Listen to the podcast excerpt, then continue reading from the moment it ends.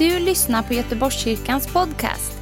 Vi vill att den ska hjälpa dig och uppmuntra dig där du är i vardagen. Vill du veta mer om oss så gå in på www.goteborgskyrkan.se.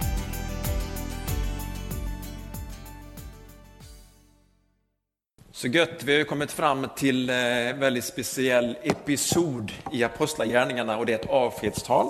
Eh, och eh, det kommer inte att handla om mig, Eh, hoppas jag i alla fall. Men man vet ju aldrig vad som händer i framtiden. När Paulus säger det här så hade han en, eh, en upplevelse och ett tilltal. Att när han träffade de här ledarna så var det sista gången som han mötte dem fysiskt. Så någon gång är det ju sånt eh, tillfälle. Det här är också en undervisning som är som en basic grundläggande undervisning för den som är en ledare, den som är satt till att ta ansvar eh, för andras andliga liv. Så det är också som en, en grund till en kommande eh, ledarkurs och utbildning som vi ska ha här i församlingen, men som också kommer vara öppen för alla som vill ta del av den undervisningen. Så vi är i Apostlagärningarna kapitel 20 och vers 13 till 38. Och eh, det börjar lite speciellt eftersom Paulus han, han ska promenera eller ta landvägen. Men Lukas som skriver Apostlagärningarna här, de, de åkte båt. Det tog lite längre tid med båten och så kanske det var så att Paulus ville fram tidigare och så vill han också ha lite kanske egen tid eller kanske var åksjuk, sjösjuk, men det tror jag inte. Så står det så här, eh, förlåt i vers 13 ska vi Eh, läsa då, Apostlagärningarna, vers 13, kapitel 20. Vi andra, skriver alltså Lukas, gick i förväg ombord på skeppet och avseglade till Assos, där vi skulle ta Paulus ombord. Så hade han bestämt, eftersom han själv tänkte ta landvägen ungefär 3,5 mil. Så snart han träffade oss i Assos tog vi honom ombord och kom till Mytilene. Därifrån avseglade vi nästa dag och nådde fram i höjd med Kios. Dagen därpå lade vi till vid Samos och då förstår vi att vi är i, i nuvarande grekiska områden. Dagen därpå lade vi till vid Samos och efter ännu en dag kom vi till Milutus. Det här är, eh, det kanske räknades till Grekland, man vet ju inte hur det var, eh, eh, men det ligger alldeles vid kusten, nuvarande Turkiet. Paulus hade nämligen beslutat att segla förbi Efesos. Och Efesos, som du kanske kommer ihåg, ligger i Mindre Asien och Mindre Asien var en del av nuvarande eh, nordvästra Turkiet för att inte bli upphållen i Asien. Han hade ju så många eh, vänner i Efesos, så mycket arbete, så jag tror att han vågar inte liksom passera förbi bara för att skulle han fastna där. Och så han skriver också för att inte bli uppehållen i Asien. Och när det står Asien så förstår vi vid det här laget att det är inte hela det Asien som vi idag räknar som Asien, utan en del utav Turkiet som kallades för Asien. Han påskyndade resan för att om möjligt kunna vara i Jerusalem på pingstdagen. Och ni förstår själva med hans bakgrund vad det skulle betyda för honom att vara i Jerusalem på pingstdagen, denna speciella högtid. Och så hoppar vi in i vers 17 och nu kommer vi till själva avskedstalet. Från Miletus skickade han bud till Efesos, kanske nästan sex mil, och kallade till sig församlingens äldste. Och när det hade kommit till honom sa han till dem, ni vet hur jag uppträdde hos er hela tiden från första dagen jag kom till Asien. Hur jag tjänade Herren i all ödmjukhet, under tårar och prövningar som mötte mig genom judarnas anslag. Jag har inte försummat något som kunde vara nytta för er. Jag har predikat och undervisat offentligt och i hemmen. Och jag har uppmanat både judar och greker att de ska omvända sig till Gud och tro på vår Herre Jesus. Här är det som att Paulus har någon form av pastorskonferens, ledarkonferens skulle man kalla det för idag. Äldsta är ju ett begrepp som eh, vi inte använder, grekiska presbyteros, som egentligen betyder mogen eller äldre. Så ibland när det står presbyteros betyder det bara de äldre, de mognare, de erfarna. Det har ju inte alltid med ålder att göra, som ni kanske har märkt. Eh, och eh, de här var som, som vi skulle kalla idag för eh, pastorer som ledde församlingarna. Kallades också för äldste. Så det var alltså herdar som hade ett tydligt ansvar. Men de kallades för äldste. Gammaltestamentligt begrepp, men också ett begrepp som användes på den tiden i den kulturen.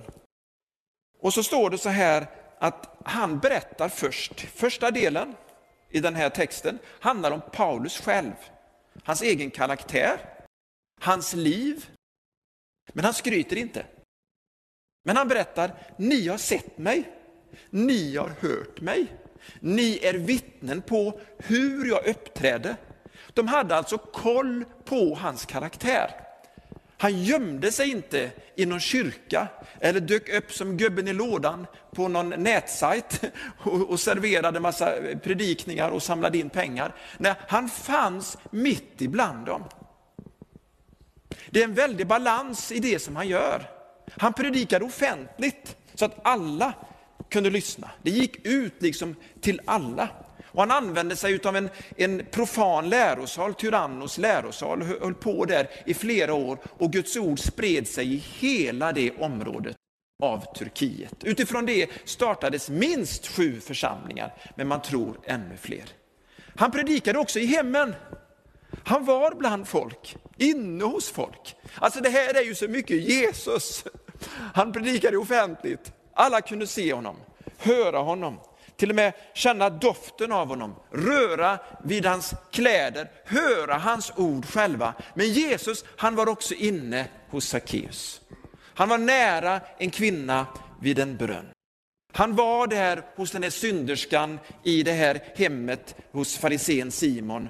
Och så mötte han människor i hemmet och offentligt. Det är en kallelse som lärjungar, vi lärjungar har idag och i synnerhet ledare att våga se till att man får tillfälle förkunna utåt offentligt, inte dölja någonting. Det vi har att säga här i en kyrkolokal kan vi också säga offentligt, men vi säger ju inte samma saker och på samma sätt. En del saker säger vi personligt och i hemmen och en del saker säger man bara till själva församlingen eller lärjungagruppen. Och här här är det saker som inte sades offentligt, sades bara till de äldste i Efesos, de som var pastorer slash herdar. Det står också ett ord om att man ska leda. Och när ordet leda, eh, det är grekiska episkopos, då tänker du på biskop. Då ska inte du tänka på en sån biskop som du kanske ser på en bild med, med speciella kläder eh, och krage och en speciell position. Utan på den den egenskapen eller den förmågan att kunna vara en ledare, en som är en overseer, en som överser. Och då tänker du, åh nej, inte en sån där som kontrollerar. Alltså, det är ju så här att för den som är i uppror är allting kontroll. Även den som är i trafiken, som tycker det ska inte vara någon kontroll, det ska inte vara några regler. Den som bara vill roffa åt sig, det ska inte finnas någon etik. Det finns de som, som barn, kanske speciellt tonåringar, kan börja tidigt, som tycker att föräldrar, de bara kontrollerar. Föräldrarna har ju en helt annan bild av det. Deras bild är ju omsorg och beskydd. Så man kan få höra saker och anklagelser, men vi behöver veta vad som finns i våra hjärtan. Gud som känner allas hjärtan. Gud sa att David var en man efter hans hjärta. Vi som ledare är kallade att vara män och kvinnor efter hans hjärta. Alla pånyttfödda får ett hjärta som är av Gud. Halleluja! Så nu kom både du och jag med i detta också. Fortsatt balans. Han säger, jag har tjänat Herren i all ödmjukhet. En del säger, hur ödmjukt är det? Den som säger att man är ödmjuk är sannerligen inte ödmjuk, eller hur? Det är precis som att människor idag med sina tricks och sina manipulationer styr oss vad vi ska få säga och uttrycka genom att märka ord. Men det finns en som känner våra hjärtan. Så därför så kan vi vara frimodiga om inte vårt hjärta dömer oss, om vi har ett rent samvete. I vad då? I våra motiv! För det är ju egentligen bara Gud, och förhoppningsvis vi själva också, som känner till våra motiv. Så när någon dömer ditt motiv, då blir det väldigt fel. Det var det storebror Eliab gjorde med lillebror David. Han dömde lillebrors motiv. Du har inte kommit hit med rätt motiv. Du ska egentligen vara någon annanstans och passa små får, vara en herde där någonstans. Men David visste vilket motiv han hade. Det är ingen som ska få hota eller, eh, eh, eller genera eller på något sätt tråka, mobba Guds folk. Så lille David, han hade rätt motiv när han skulle se på den här striden mellan Goliat, filisterna och församlingen. Men Eliab, han var där med sina ord och dömde ut honom och sa, du är stöddig, du är stolt. Gud vet vilka som är ödmjuka och vilka som inte är ödmjuka. Och framförallt är ju ödmjukhet någonting vi är inför Gud, att vi böjer oss efter hans vilja. Då kan vi också vara väldigt, väldigt frimodiga. För visst kan man vara både frimodig och ödmjuk, eller hur? Men man behöver inte vara kaxig för det. Och den stolte kommer att falla. Så står det också att han grät. Paulus, han grät. Det står ingenstans att han skrattade, men han säger väldigt mycket om glädje. Han talar så mycket om glädje. Och mest talar han om glädje när han är i fängelset. Så visst är han annorlunda, Paulus. Han hade ett annorlunda liv med Gud. Jag tror att han var så fylld av helig ande, att det bara, bara gnistrade i hans ögon. Att han var så salig om han sov i fängelse, eller här vid beachen och har en härlig pastorskonferens. Jag vet inte. Så står det så här också, jag har inte försummat något som kan vara till nytta för er. Han både predikade och undervisade. Alltså det är ju sån balans. Nu tror inte jag att alla eh, har den förmågan, att alla kunde, men aposteln Paulus, han var som en ledare för herdarna. Han var som en pastor för pastorerna. Och han både predikade, alltså var som en härold, proklamerade, och så undervisade han förmodligen bok för bok, sanning efter sanning och la ut texten med uppenbarelsen ifrån den helige Ande. Det var både och väldigt mycket, inte antingen eller. Och det här älskar jag, den här balansen. Ja, men är inte det väldigt tråkigt Christian? Jag säga, men det kan vara väldigt, väldigt spännande med balans. Om du sitter i en kajak så vill du inte ha obalans. Om du är ute och springer vill du inte ha obalans. Vill du, jag var ute och körde med min bil, det var obalans i däcken. Jag vill inte ha det så, man vill inte ha obalans. Ja, men det får vara lite spänning också när det är osundhet när det styr och ställer och vaggar och jag blir bara sjösjuk. Hela församlingen blir sjösjuk när det är obalans. Det ska vara balans, halleluja! Yes, ni hörde inte det, men väldigt många här inne i gudstjänstlokalen sa halleluja i sina hjärtan. Så det hördes ända upp till himmelens Gud. Ja, så är det. Eh, och så står det så här också, han har uppmanat, hör nu, både judar och greker. Det var alla nationer. Det var judarna, egendomsfolket, hans eget folk. Men det var också alla andra folkslag som kallades för greker. Så det var inte bara för grekerna. Alltså det är lite märkligt, det var ju kulturen, den stora kulturen, språket, den var grekisk. Därför så kallar man alla icke-judar för greker här, eller ibland hedningar. Visst är det märkligt, men det gäller att vi förstår det. Han talade till alla. Och så sa han inte bara Tro på Jesus så blir allting underbart och bra. Halleluja. Han predikade också omvändelse till Gud. Alltså, det här profetiska, att man säger till människor, du ska också vända dig till Gud. Till det som är rättfärdigt, till det som är gott, till det som är rent, till det som är sanningen. Du ska vända dig till Gud. Men du ska också tro på Herren Jesus. Därför att det är genom Herren Jesus vi blir frälsta. Och vi kan ju också vända oss till Gud med frimodighet tack vare Jesu blod. Men vi ska ju inte bara tro på Jesus och göra som vi känner för. Jesus är ingen ursäkt för att vi ska leva hur vi vill, inte heller nåden. Utan det här är ju både och. Och jag tycker att det här är jättebra. Som någon bara predikar omvändelse, oj oj oj, bara vänd och bara gör rätt och bara gör bot och inte predikar Jesus. Då har vi ju inte kraften, då har vi ju inte motivationen, då har vi ju inte inspirationen. Men när vi förstår vem Jesus är och att vi är i honom, då vänder vi oss till Gud. Visst är det bra? balanserat, tycker jag själv. Och nu kommer han här i vers 22 och säger någonting väldigt konstigt och känns, känns väldigt otrevligt. Hör här nu. Se, bunden i anden beger jag mig upp till Jerusalem utan att veta vad som kommer att möta mig där. Jag vet bara att den heliga ande i stad efter stad vittnar att bojor och lidanden väntar mig. Alltså att vara bunden i anden är att vara så kopplad med den heliga ande att nu styr inte jag längre över mitt liv själv. Den heliga ande, hör här nu, kontrollerar mig. Och jag går med på det.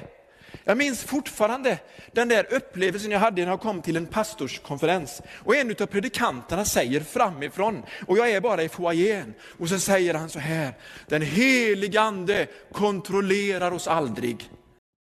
Och i mitt hjärta var det bara, det där är inte sant. Och jag kan inte hålla mig så jag bara liksom säger, det är inte sant. Säger jag en liten, en liten eh, så att säga, uppkäftig kille, eh, nykläckt evangelist, men jag sa ju inte det offentligt i någon mikrofon. Eh, ni kan själva, jag kunde inte hålla mig, för jag visste att den helige Ande, han vill ju ta över ledningen. Han vill också ta över kontrollen och det är trygghet. Det är lydnad, men vi gör det av fri vilja. Halleluja! Paulus gick emot de här prövningarna, gick emot lidandet, gick emot bojorna, frivilligt, bönden i anden. För han hade bestämt med sig för, jag lyder Gud mer än människor. Jag lyder Gud mer än mitt kött. Jag dödar, jag låter mitt dö, kött dö. Och så lever jag och Kristus lever i mig. Alltså ett sånt föredöme. Alltså, man känner sig ganska så liten, eller hur? Hur gick det nu för den här predikanten som sa det här? Det gick väldigt bra. Förmodligen omvände han sig. Men det var så här, det var en reaktion. Och nu kommer jag till någonting som är bra att säga. Ibland så säger vi felaktiga saker för att vi reagerar mot någonting i samhället. Därför att då fanns det en osund undervisning om att en helig ande, så fort någon liksom, eh, fick tungotal, ja då skulle man bara få tala tungor fritt, hur som helst, när som helst. Man skulle profetera när som helst. Och man kunde avbryta den som undervisade i Guds ord. Och så ville han bara säga, ja men riktigt så ska det inte vara. Det han egentligen skulle säga var att det är så här, att profeternas ande är profeten underdånig. Alltså det finns en eget ansvar när det gäller ledning, förstår ni skillnaden? Så det, det är faktiskt så här att vi är satta till att leda. Vi har fått auktoritet, men vi kommer också att göra fel. Och då finns det förlåtelse. Men det är ingen ursäkt för att vi ska fortsätta att göra fel. För då ska vi vända om till Gud och göra rätt. Halleluja. Det är sunt ledarskap. Så låt den helige Ande kontrollera dig. Men kontrollera inte andra människor med fel motiv. Kontrollera inte överhuvudtaget andra människor, men led människor och ha koll på dem. Inte kanske på dem så mycket, men på den som vill förföra deras sinnen, på det som vill förstöra deras relation med Gud, på det som vill sluka dem. Kommer till det lite senare. Så står det så här, vers 24. Jag anser inte att mitt liv har något värde för mig själv. Alltså, vad är det här? Hur kan man bli så negativ, säger någon. Det här är ju inte bra. Människor ska ju inte få läsa sånt här att en ledare säger mitt liv har inte något värde för mig. Alltså, han säger inte att Guds liv i honom är värdelöst. Han säger att hans egen liv, hans egen liv, hans ego, hans egen agenda, den funkar inte. Den bär inte frukt, varken för mig eller för er. Men Guds agenda, Guds plan. Det lopp som han har kallat mig till, det vill jag fullborda. Jag vill endast fullborda mitt lopp och den uppgift som jag har fått av Herren, säger han sen. Wow! Alltså vi tycker inte det är konstigt när idrottsmän ger sina liv. Vi tycker det är jättebra, de får medaljer och vi hörrar och applåderar. Men när troende människor ger sina liv, tycker det är lite överdrivet. Alltså det finns ju någonting större. Det finns ju medaljer som är större än OS-medaljer, eller hur? Det finns en rättfärdighetens segerkrans som man får. När man fullbordar sitt lopp, när man väntar på Herrens ankomst, när man utför en äldste tjänst, så får man belöning ifrån Herren själv. Det är inte värdelöst. Men den lönen kanske vi bara får smaka på här. Men i en evighet ska vi få njuta av den. Så vad satsar du på? Lite njutning nu, lite lättingliv nu? Eller en evighet i en härlighet med lön som räcker länge? Halleluja! predikar jag till mig själv här, det kan ju vara bra det också. Och så säger han sen också, jag vill endast fullborda mitt lopp och den uppgift som jag fått av Herren Jesus. Och vad var det? Att vittna om Guds nåderika evangelium. Så han kommer tillbaka till det där.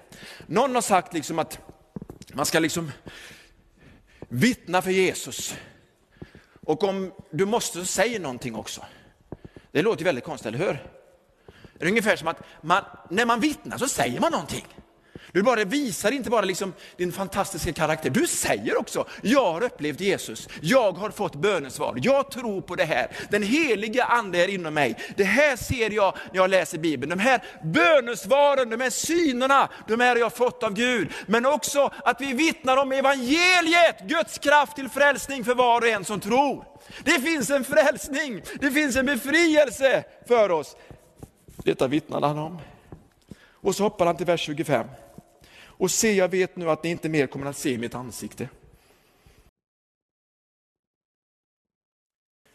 Alla ni som jag har gått omkring hos och predikat riket för.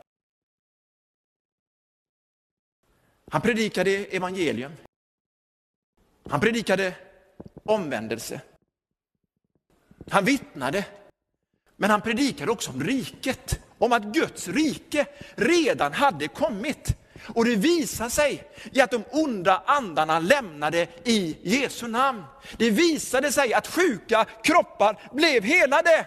Det visade sig att människor blev födda på nytt, gick från andlig död till liv. Guds rike var redan här. Det visade sig att Jesus Kristus blev konung i människors liv. Riket predikade han. Hör du vad jag säger? Vi ska också predika Guds rike.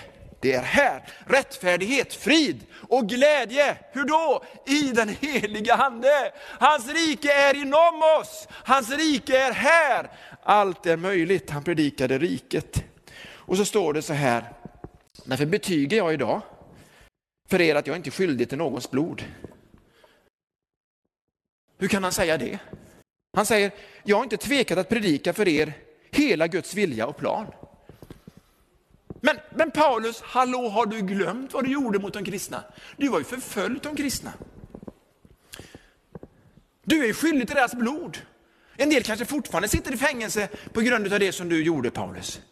Det Paulus talar om här, det är det som Hesekiel talar om i kapitel 3 bland annat. Att profeten, han talade ut Guds sanning. Han talade ut omvändelse, han talade ut tro, han talade ut alla Guds sanningar. Och så säger han sen, därför så får ert blod komma över era egna huvuden och inte mig. När vi säger de här sanningarna, då är vi fria. Men om vi inte säger dem så kan vi inte säga det så frimodigt. Han hade en kallelse och det var att tala om allt vad Gud hade sagt. Hela Guds rådslut från början till slut. Inte rycka några lösa favoritversar ur Bibeln eller säga bara det som är bekvämt utan han talade allt. Också när det gäller domen, också när det gäller de här svåra sakerna, också när det gäller helgelse, om att ge sitt liv, men också om det som kommer nu. Halleluja! Är ni med nu? Vers 28, ge akt på er själva och på hela den jord som den helige ande har satt er som ledare över till att vara herdar i Guds församling som han har köpt med sitt eget blod. Visst är det fantastiskt? Att när han samlat dem så säger han till och nu går han bort ifrån sig själv. Sitt eget liv, sin egen karaktär. Och så vänder han sig till ledarna. Och så säger han, det här är ert uppdrag. Det här ska ni tänka på. Och så säger han så här, ge akt. Och det kan vara jättesvårt ord för en del. Vad tänker du på? Ajabaja? Eller passa dig? Ge akt betyder uppmärksamma väldigt starkt. Och vad är det vi ska uppmärksamma väldigt starkt? Jo, det är så här, vi ska uppmärksamma väldigt starkt hela den jord som den heliga ande har satt er till att ha uppsikt över. Så de människor som inte är födda på nytt, som inte anden har tilldelat oss, kan vi ju inte leda.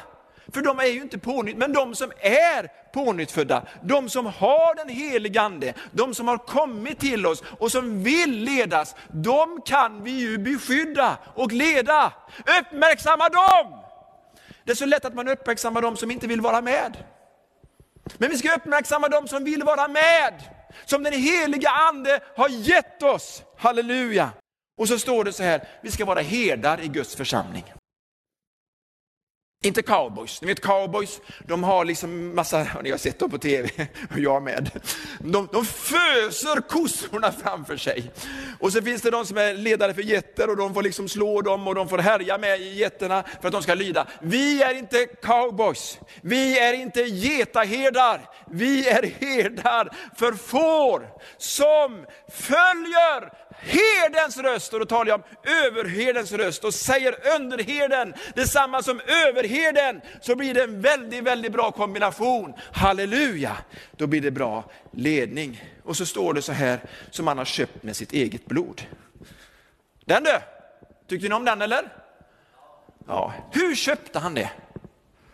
Jo, Paulus hade ju varit tältmakare och, och han hade ju tjänat mycket pengar. Och han kunde inte köpa ut. Jesus hade ju inte tjänat så mycket pengar. Eller hur? Han hade inte guld och silver, även om allt guld och silver tillhör Gud. Då ska vi gå till första Petrus kapitel 1, vers 18.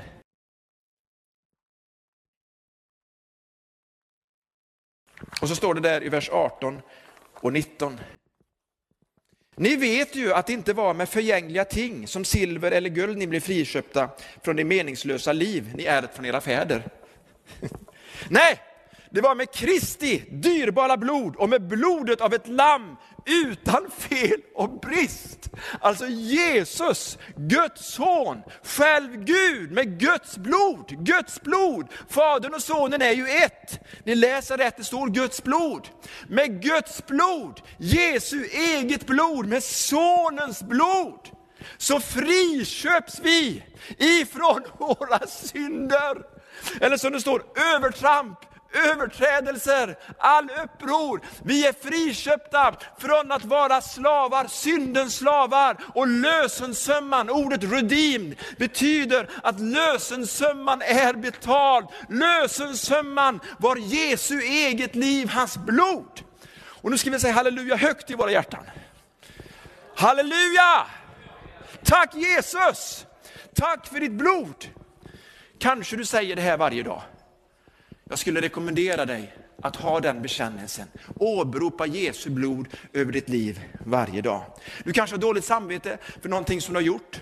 Jesu blod renar våra samveten. Du kanske känner en åklagare här inne som säger saker till dig som du vet att du har bekänt, som du en gång har tagit emot förlåtelse för. Men så kommer anklagelser i ditt sinne. Uppenbarelseboken säger att denna världens åklagare, eller eh, åklagaren blev nedkastad från himlen. Halleluja! Våra bröders åklagare blev nedkastade ifrån himlen. Och vi har Jesu blod. Så vad ska vi åberopa över våra liv? Jesu blod. Över ditt samvete, Jesu blod. Ska vi säga tack Jesus. Tack för ditt blod. Som renar oss från all synd. Är det kanske? Nej, det är sannerligen. Amen. Så Gud har köpt församlingen. Han äger den genom Jesus Kristus. Wow! Men så kommer det här obekväma igen. Jag vet, vers 29, att när jag har lämnat er ska rovlyssna vargar komma in bland er och det ska inte skona jorden. Ja, ur er egen krets ska män träda fram och förvränga sanningen för att dra lärjungarna över på sin sida. Håll er därför vakna och kom ihåg att jag ständigt i tre års tid, natt och dag, har varnat var och en av er under tårar. Det finns vargar, det finns yttre faror, men det finns också inre faror, den inre kretsen. De som kom ut, utanför församlingen och försökte röva, skrämma och hota som vargar. Men också de som inifrån församlingen var som Jesus säger förklädda till får, men i sitt innersta ölvar. Människor, ni vet att en vargmänniska kännetecknas av att de äter får. Man leder inte fåren, man utnyttjar dem. Hur känns det igen när någon inifrån den egna kretsen försöker dra lärjungarna på sin sida? Det är ett lärjungaskapstanke där man drar till sig själv, till sin egen personlighet, till sin egen grupp eller till sin egen sida, sin egen ministry eller vad det nu är för någonting. Men man drar inte till församlingen. Man drar inte till Kristus. Man drar inte till Guds närvaro. Man drar till sig själv. Så avslöjas förföriska människor av Paulus på det här sättet. Men nu kommer också de som vill skrämma bort, som säger att det är farligt, som hotar. Men då vet vi att en riktig herde är en modig herde och ger sitt liv för fåren, är där, försvarar och vågar ha koll och säga det där är farligt. Är det någonting, ibland kan ju någon eh, säga, Christian, är det någonting som du ångrar när du varit pastor i alla år? Ja, en sak som jag vet att jag ångrar, det är att jag inte har varit mer frimodig och mer tydlig när jag har sett och förstått och bara misstänkt att människor håller på att bli förförda av vargen eller av den inre kretsen som försöker dra dem till sin grupp, till sitt kotteri. Istället för att säga, hallå där, här är församlingen, det här är Guds församling, det här är ordningen, det här är Jesus, det här är hans vilja, det här är, Woo! Det ångrar jag. Så må Gud hjälpa också mig. Det här kanske också talar till dig. Det kanske finns människor runt omkring dig, då du märker att ja, men jag lät dem gå för enkelt. Jag lät dem försvinna, de var ju bara vilsna. Jag kanske ska gå tillbaka och söka upp, hej, hur är det? Kan jag göra någonting? Jag finns där. Det blev fel. Vi fanns inte där för dig. Kan jag vara där? Och så kan vi vara med och upprätta människor in i Guds församlingen igen, som han har köpt med sitt blod.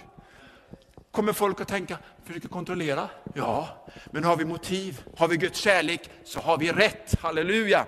Fienden ska inte förstöra för oss. Avslutningsvis. Och nu överlämnar jag er åt Gud och hans nåderika ord. Gud som har makt att uppbygga er och ge åt er arvslotten bland alla dem som blivit helgade. Silver eller guld eller kläder har jag inte begärt av någon. Ni vet själva att dessa händer har sörjt för mina egna och mina följeslagares behov. I allt har jag visat er att ni genom att arbeta på detta sätt ska ta er an det svaga och komma ihåg det ord som Herren Jesus själv sa. Det är saligare att ge än att ta. När Paulus hade sagt detta föll han på knä och bad tillsammans med dem alla. De brast alla i gråt och föll honom om halsen och kysste honom. Det som smärtade dem mest var att han hade sagt att de inte mer skulle se hans ansikte. Så följde de honom till skepp. Det sista Paulus gör här är att han ber för dem.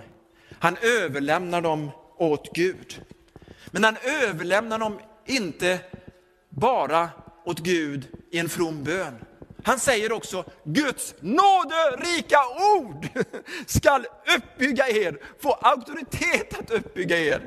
Man kan känna många gånger som församlingsledare, som pastor, hur ska man göra med människor? Hur gör man i en pandemi? Alltså, man kan överlämna, man kan be till Gud för människor, men man kan också säga, läs Bibeln själv, lyssna till förkunnelsen. Du kunde inte vara på plats, men du kan se, höra efteråt. Jag överlämnar er åt Guds ord, och Guds ord har makt att uppbygga oss.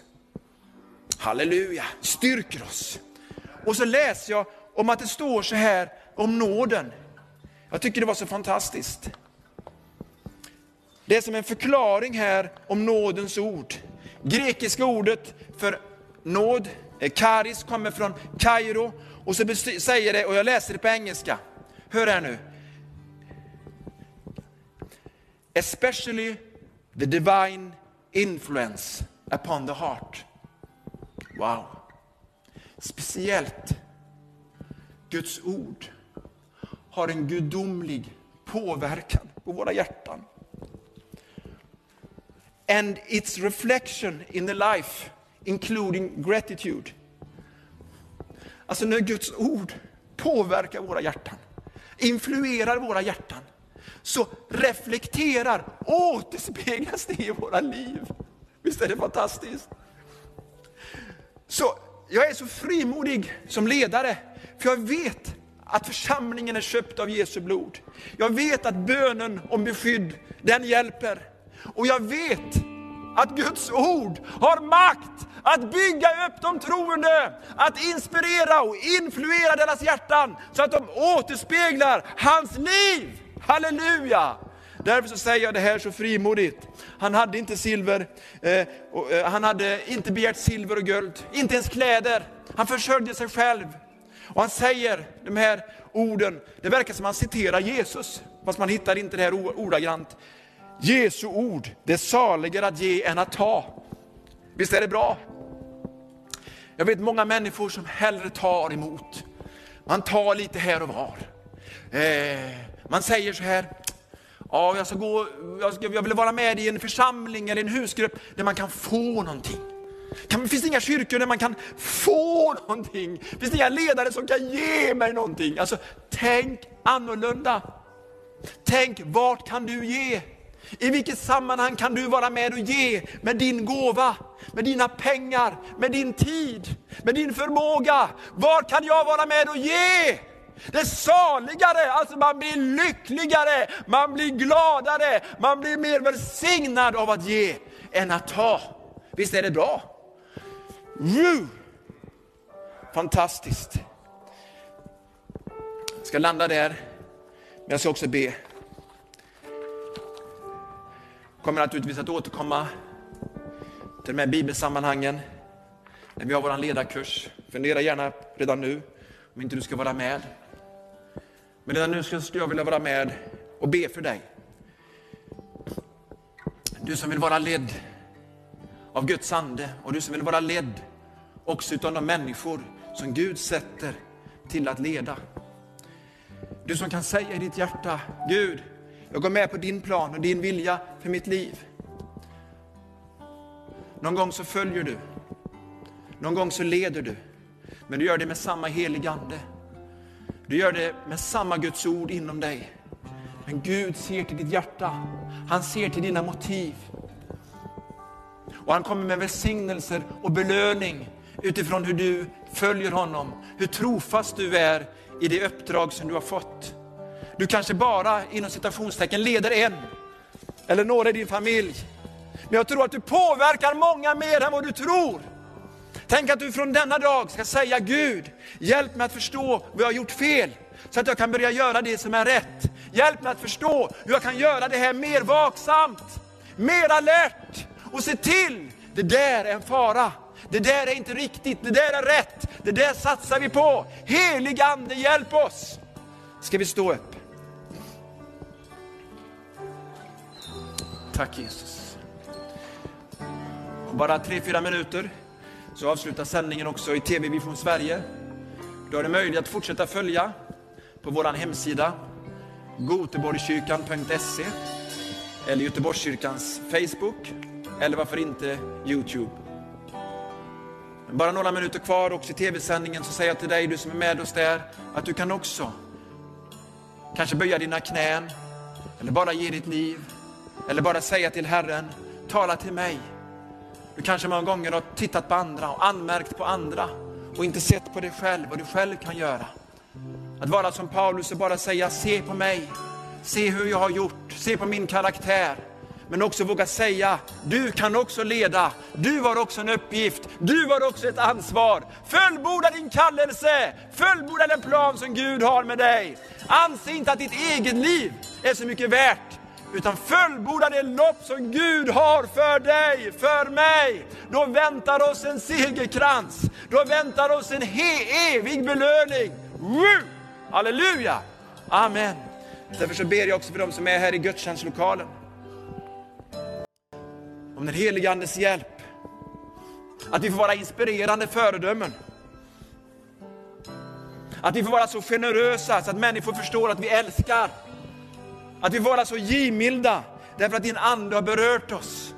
och att vi aldrig suger ut andra, aldrig utnyttjar andra ekonomiskt, utan vi förstår Gud att du är vår försörjare. Halleluja! Och du känner oss, våra samveten, våra liv, allting. Amen. Tack Jesus. Tack för att du har lyssnat. Dela gärna podden med dina vänner och glöm inte prenumerera. Om du har frågor eller vill att vi ska be för något så mejla oss på info